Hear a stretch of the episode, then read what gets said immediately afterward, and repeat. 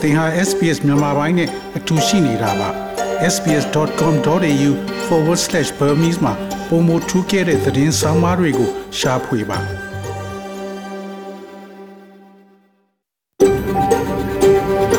SBS, a world of difference. You're with SBS Burmese on mobile, online, and on radio. mobile online နဲ့ radio ပေါ်မှာသင်ဟာ SPS မြန်မာပိုင်းနဲ့အ တူရှိနေတာဖြစ်ပါတယ်သရရှင်များအားလုံးမင်္ဂလာပါရှင်2022ခုနှစ်ဇန်နဝါရီလ22ရက်စနေည SBS Radio မြန်မာပိုင်းအစီအစဉ်တွေကိုစတင်အတန်ထုတ်လွှင့်နေပြီဖြစ်ပါတယ်ကျွန်မကမူလှိုင်းသိမ့်ပါဒီညအတွက်နားဆင်ဖို့ပြင်ဆင်ချက်တွေထဲမှာဩစတြေးလျနိုင်ငံမှာဖြစ်နေတဲ့ COVID-19 နဲ့ဆက်ဆက်တဲ့အကြောင်းအရာတွေကိုတင်ဆက်ပေးဖို့ရှိသလိုဩစတြေးလျဒေးရောက်တိုင်းငင်းခုန်စရာတွေဖြစ်နေပြီးတော့ ဌာနေတိုင်းသားတွေဘက်ကဘာတွေလိုချင်နေတယ်လဲဆိုတာတွေကိုတင်ဆက်ပေးဖို့ရှိပါတယ်။အဲ့ဒီနောက်မှာတော့ချင်းပြည်နယ်မတူပီဒေသနဲ့တခြားဒေသတွေရဲ့အခြေအနေနဲ့ဆက်ဆက်ပြီး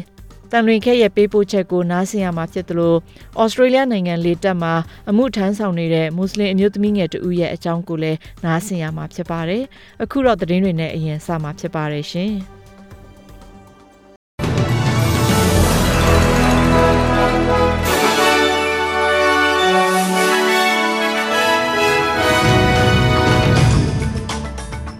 ဇန်နဝါရီလ22ရက်နေ့အတွက်ထိတ်တန့်ရောက်နေတဲ့သတင်းတွေကတော့ဩစတြေးလျနိုင်ငံရဲ့ Omicron မျိုးကွဲပြန့်နှံ့မှုဟာထင်ထားတာထက်စောစီးပြီးတော့အခြေအနေပြန်ကောင်းလာနိုင်တဲ့အနေအထားရှိတယ်လို့ပြောဆိုလာတဲ့အကြောင်းပြင်သစ်နိုင်ငံပိုင် Total နဲ့ American နိုင်ငံပိုင် Chevron စွမ်းအင်လုပ်ငန်းတွေကမြန်မာနိုင်ငံကသူတို့ရဲ့လုပ်ငန်းတွေကိုရဆိုင်တော့မယ်လို့ကြေညာလိုက်တဲ့အကြောင်းနဲ့ ထောင်ကနိုင်ငံမှာအစားအစာနဲ့ရေတွေကုန်မသွားခင် အချိန်မီပေးပို့မှုတွေလုပ်နိုင်ဖို့စ조사အားထုတ်နေကြတဲ့အကြောင်းတွေအပြင်တခြားထူးခြားတဲ့သတင်းတွေကိုလည်းနားဆင်ရမှာဖြစ်ပါတယ်ရှင်။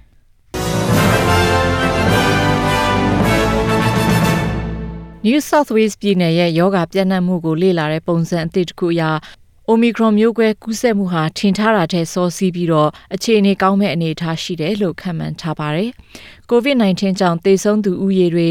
ကူးစက်မှုနှုန်းတွေမြင့်မားနေဆဲဖြစ်ပေမဲ့လည်းဆေးရုံတက်ရတဲ့လူဦးရေရော့ကျလာသလိုအရေးပေါ်ဌာနကိုဖုန်းဆက်အကူအညီတောင်းလာတဲ့လူတွေလည်းရော့ကျလာပြီးစူပါမားကတ်ဈေးဆိုင်တွေမှာပစ္စည်းတွေပြန်လည်ပြစ်လာနေပြီလို့ပြောပါတယ်။လာမယ့်နှစ်ပတ်သုံးပတ်အတွင်းသေဆုံးသူဦးရေကျဆင်းလာဖို့ရှိတယ်လို့လည်း South Australia တက္ကသိုလ်ကပေါမောက္ခ Adrian Easterman က7 Network နဲ့အင်တာဗျူးမှာပြောသွားခဲ့ပါတယ်။ Western Australia ပြည်နယ်ကလွဲရင်ပြည်နယ်တိုင်းပြည်နယ်တိုင်းမှာကူးစက်မှုအနေအထားကအထူးအထိပ်ကိုရောက်သွားပြီးမကြခင်သတင်းပတ်တွေအတွင်းမှာရော့ကျလာဖို့ရှိတယ်လို့ပြောပါတယ်။အရင်တုန်းကပြည်ပနိုင်ငံကလူတွေ ဩစတြေးလျနိုင်ငံကိုဝင်မလာခင်၃ရက်အလိုမှာ PCR စမ်းသပ်နည်းနဲ့ coronavirus ရောဂါရှိမရှိစမ်းသပ်ရမယ်လို့သတ်မှတ်ထားပေမဲ့ဒီနောက်ပိုင်းမှာတော့မိမိဖာသာအမြန်နည်းနဲ့စစ်ဆေးလို့ရတဲ့ rapid antigen test RAT နည်းနဲ့စစ်ဆေးပြီးဝင်မလာခင်24နာရီအတွင်းမှာရောဂါမရှိကြောင်းပြသရင်ဝင်လာခွင့်ရမယ်လို့ပြောပါတယ်။ RAT ရဲ့ရလတွေကိုအစိုးရကလာမယ့်သတင်းတွေနေ့ကစပြီးတော့လက်ခံတော့မှာဖြစ်ပါတယ်။ COVID-19 ရောဂါကူးစက်ခံရတဲ့လူတွေအနေနဲ့14ရက်အကြာမှပဲဩစတြေးလျနိုင်ငံထဲကိုဝင်လာခွင့်ရမယ်လို့သတ်မှတ်ထားပေမဲ့အခုဆိုရင်9ရက်အထိရှော့ချပေးလိုက်ပြီဖြစ်ပါတယ်။မြန်မာနဲ့ဆက်ဆက်တဲ့သတင်းတစ်ပုဒ်မှာတော့စစ်ကောင်စီအတွက်လေရင်စီတွေကိုတည်ယူပေးဖို့ RCSS SSA ရှမ်းလက်နဲ့ကင်အဖွဲ့ကသဘောတူတယ်လို့မြန်မာနောင်သတင်းမှာဖော်ပြထားတာဟာမဟုတ်မမှန်လောက်ကျန်သတင်းရေးချင်းသာဖြစ်ပြီးတရားဝင်ဝန်ချတောင်းပန်ဖို့ RCSS SSA အဖွဲ့ကတောင်းဆိုထားပါတယ်။ထိုင်းမြန်မာနယ်စပ်တက်ချီလိတ်ကနေတဆင့်တောင်ကြီးမြို့ကိုလေရင်စီတွေတည်ပေးဖို့ဒီဇင်ဘာလအကုန်လုံးကသဘောတူခဲ့ကြတာလို့ RCSS SSA အဖွဲ့နဲ့နီးစပ်သူကပြောတဲ့အကြောင်းမြန်မာနောင်သတင်းမှာဖော်ပြထားပါတယ်။အဲဒီလိုဖော်ပြချက်တွေဟာအခြေအမြစ်မရှိသလို RCSS အဖွဲ့ကိုပြည်သူတွေအထင်လွဲမှအောင်လုပ်နေတာဖြစ်ပြီးတိုင်းသားလက်နက်ကိုင်အဖွဲ့အချင်းချင်းကြားအယုံကြည်ကင်းမဲ့အောင်လှုပ်ဆောင်ရလှုပ်ဆောင်ရရောက်တယ်လို့ RCSS အဖွဲ့ရဲ့အတွင်းရေးမှူးတိဘိုမူကြီးစိုင်းငင်းကဒီကနေ့ထုတ်ပြန်ကြေညာချက်ထဲမှာထုတ်ပြန်ထားပြီးဒီလိုသတင်းရေးသားတဲ့အပေါ်တောင်းပန်ဖို့နဲ့သတင်းကိုဖြုတ်ချပေးဖို့တောင်းဆိုထားပါတယ်။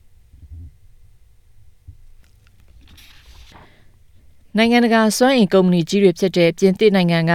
Total နဲ့ American နိုင်ငံက Chevron တို့ဟာမြန်မာနိုင်ငံကလုပ်ငန်းတွေကိုရပ်ဆိုင်းထားမယ့်အကြောင်းကြေညာလိုက်ပါတယ်။မြန်မာနိုင်ငံမှာလူအခွင့်အရေးအခြေအနေတွေပိုဆိုးလာနေတဲ့အတွက်မြန်မာနိုင်ငံကသူတို့ရဲ့လုပ်ငန်းတွေကိုပြန်ရုပ်သိမ်းမှာဖြစ်တယ်လို့အဲ့ဒီကုမ္ပဏီနှစ်ခုကတောက်ကြနေတော့ကအသီးသီးထုတ်ပြန်ခဲ့ကြပါတယ်။အမေရိကန်နိုင်ငံနဲ့ပြင်သစ်နိုင်ငံကစွမ်းအင်ကုမ္ပဏီတွေကနေပြန်ရုပ်သိမ်းပြီးဖြစ်ပေမဲ့ ထိုင်းတောင်ကိုရီးယားအိန္ဒိယဂျပန်နဲ့တရုတ်ပိုင်စွမ်းအင်ကုမ္ပဏီတွေကတော့မြန်မာနိုင်ငံမှာဆက်လက်အလုပ်လုပ်ကိုင်နေကြဆဲဖြစ်ပါတယ်။နိုင်ငံတကာစွမ်းအင်ကုမ္ပဏီကြီးတွေဘက်ကနေအခုလိုလှုပ်ဆောင်တာဟာတနည်းအားဖြင့်ထိရောက်မှုရှိပေမဲ့ဒီထက်မကလှုပ်ဆောင်တဲ့နယ်လို့လည်းသုံးသပ်နေကြပါတယ်။88မျိုးဆက်ကောင်းဆောင် ကိုကျော်မင်းယူခေါ်ဦးဂျင်မီနဲ့ NLD ပါတီကလွှတ်တော်အမတ်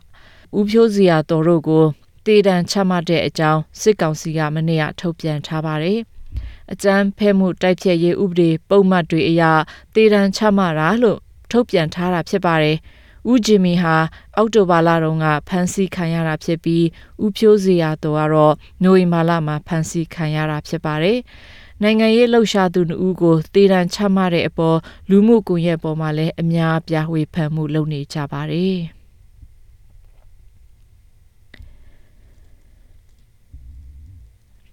ဒီပနိုင်ငံတွေရဲ့သတင်းကိုဆက်ရမယ်ဆိုရင်တော့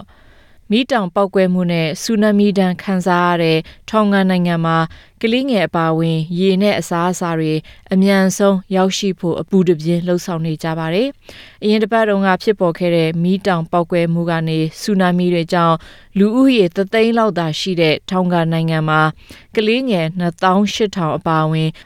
လူအယောက်ပေါင်း8000လောက်ထိခိုက်နေတာမှုတွေဖြစ်နေရတယ်လို့ဆိုပါတယ်။ စာတင်ကျောင်းတွေကိုခိုလုံရေးစင်တာအဖြစ်အသုံးပြုနေရတဲ့အတွက်ကျောင်းပြန်ဖွင့်ရေးမှာအခက်အခဲတွေဖြစ်နိုင်တယ်လို့သုံးသပ်ကြပါတယ်။အဲ့ဒါအပြင်မီးတောင်ကပြာတွေကြောင့်တောက်ရရှားပါမှုတွေလည်းဖြစ်ပေါ်နေပါတယ်။ပြာမုံတွေကြောင့်အိမ်ထဲမှာပဲနေထိုင်ကြဖို့အစိုးရကတတိပေးထားပြီးနှာခေါင်းစည်းတွေတာဆင်ထားကြဖို့နဲ့တောက်ရည်တွေပြက်လနိုင်တဲ့အနေအထားရှိတာကြောင့်ရည်တွေကိုမဖြုံတီးကြဖို့လည်းအစိုးရကတိုက်တွန်းထားပါတယ်ရှင်။ ဘောလုံးအားကစားသတင်းတစ်ပုဒ်ကိုဆက်ရမယ်ဆိုရင်တော့ဩစတြေးလျနိုင်ငံကအမျိုးသမီးဘောလုံးကစားသမား Sam Kerr ဟာ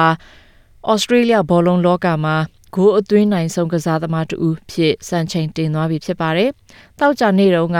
အိန္ဒိယနိုင်ငံမှာအာရှဖလားအတွက်အင်ဒိုနီးရှားနိုင်ငံနဲ့ရှင်ပြိုင်ကစားတဲ့ပွဲမှာဩစတြေးလျကအင်ဒိုနီးရှားအသင်းကို18ဂိုး3ညနဲ့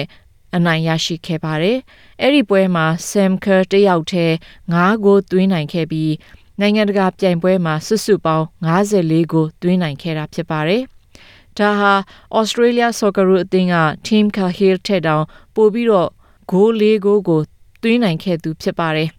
Sam Kerr ရဲ့အဖိုးနဲ့အဖွားဟာအိန္ဒိယနိုင်ငံမှာမွေးဖွားသူတွေဖြစ်ပြီး1969ခုနှစ်တုန်းကဩစတြေးလျနိုင်ငံကိုပြောင်းရွှေ့နေထိုင်ကြတာဖြစ်ပါတယ်။အဖိုးအဖွားရဲ့မွေးရဇာတိမှာဘောလုံးကန်ရတဲ့အတွက်အနိုင်ရရင်ကောင်းမယ်ဂိုးအများကြီးသွင်းနိုင်ရင်ကောင်းမယ်ဆိုပြီးတော့တွေးမိရာကနေအခုလိုအနိုင်ရရှိသွားတဲ့အတွက်ဝမ်းသာမိတဲ့အကြောင်း Sam Kerr ကပြောပါတယ်။ မနက်ဖြန်တနင်္ဂနွေနေ့အတွက်မိုးလေဝသအခြေအနေကတော့ Perth မြို့မှာနေသားပူအိုက်ပြီးအမြင့်ဆုံးပူချိန်38ဒီဂရီရှိချိန်မှာ Adelaide မှာတော့ဆူဆူဆူမိုးရွာနိုင်ပြီး26ဒီဂရီရှိမှာဖြစ်ပါတယ်။ Melbourne မြို့မှာနေသားပြီး34ဒီဂရီရှိချိန်မှာ Hobart မြို့မှာတော့တိမ်ထူပြီး28ဒီဂရီရှိမှာဖြစ်ပါတယ်။မြို့တော်ကင်မရာမှာတိမ်ထူပြီး28ဒီဂရီရှိချိန်မှာ Sydney မြို့မှာလည်းအလားတူ တိမ်ထူပြီးတော့28ဒီဂရီရှိမှာဖြစ်ပါတယ်။ Brisbane မြို့မှာမိုးရွာနိုင်ပြီး29ဒီဂရီရှိချိန်မှာ Darwin မြို့မှာလည်းမိုးရွာနိုင်ပြီးတော့အမြင့်ဆုံးပူချိန်32ဒီဂရီရှိမှာဖြစ်ပါတယ်ရှင်။။